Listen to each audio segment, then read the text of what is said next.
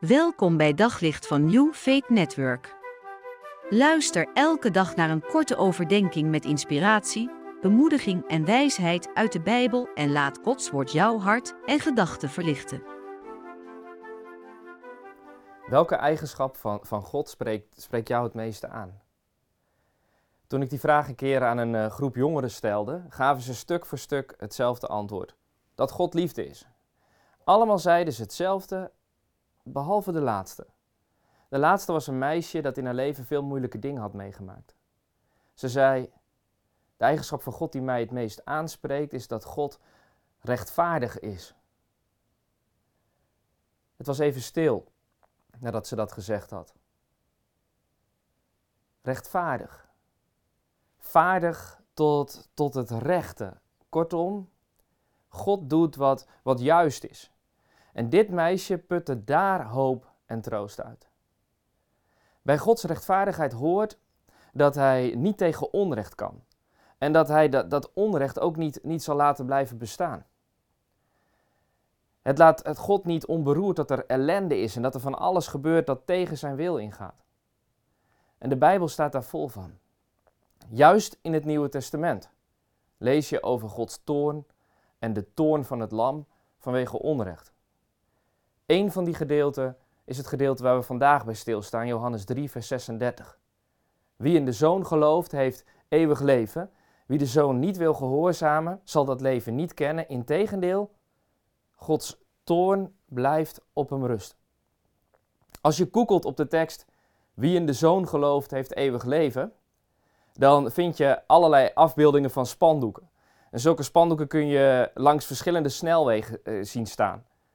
En wat je dan niet kunt zien, is dat dit nog niet eens de helft van de hele tekst is.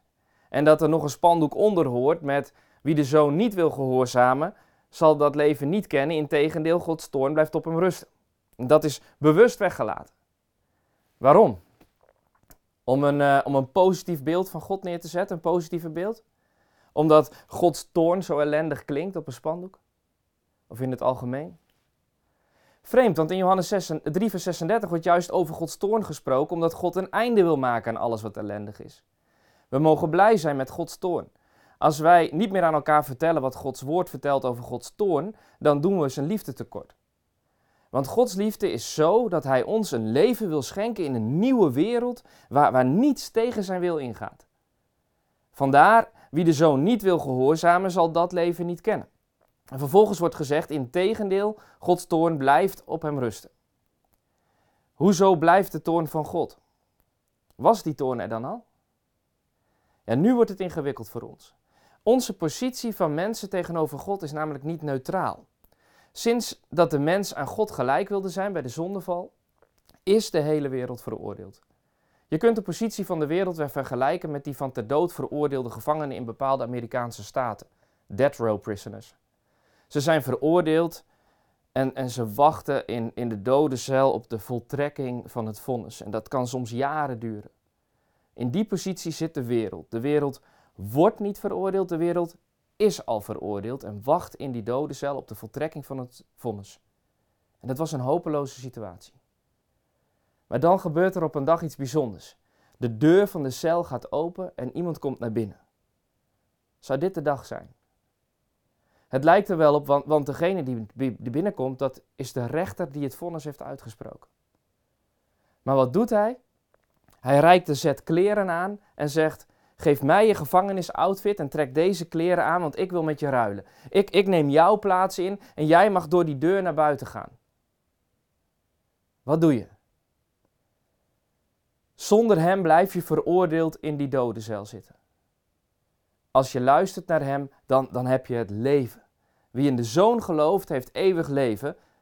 Wie de Zoon niet wil gehoorzamen, zal dat leven niet kennen. Integendeel, Gods toorn blijft op hem rusten.